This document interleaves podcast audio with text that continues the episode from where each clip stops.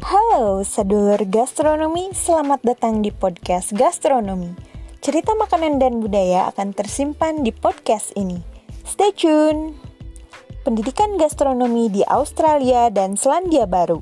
Di Australia sendiri, jenjang yang ditawarkan pada pendidikan gastronomi adalah tingkat magister atau master degree yang mempelajari tentang sistem pangan dengan fokus area, pengembangan regulasi pangan, pangan berkelanjutan, pengembangan produk makanan dan minuman, studi tentang wine, kewirausahaan pangan, dan marketing pangan.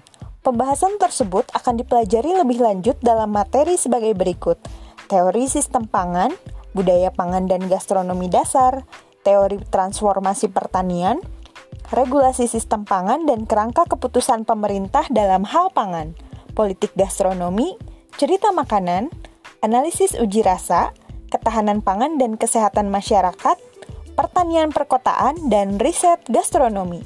Pendidikan gastronomi di Australia banyak ditawarkan oleh fakultas atau departemen food sciences. Selanjutnya, pendidikan gastronomi di New Zealand atau Selandia Baru ditawarkan pada jenjang magister atau master degree dengan fokus area sejarah pangan, budaya makanan, dan politik pangan.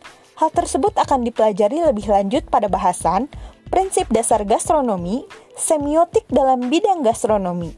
Biasanya membahas etnis, gender, usia, pemasaran, bahkan sampai konstruksi sosial, serta membahas pangan global dari berbagai perspektif.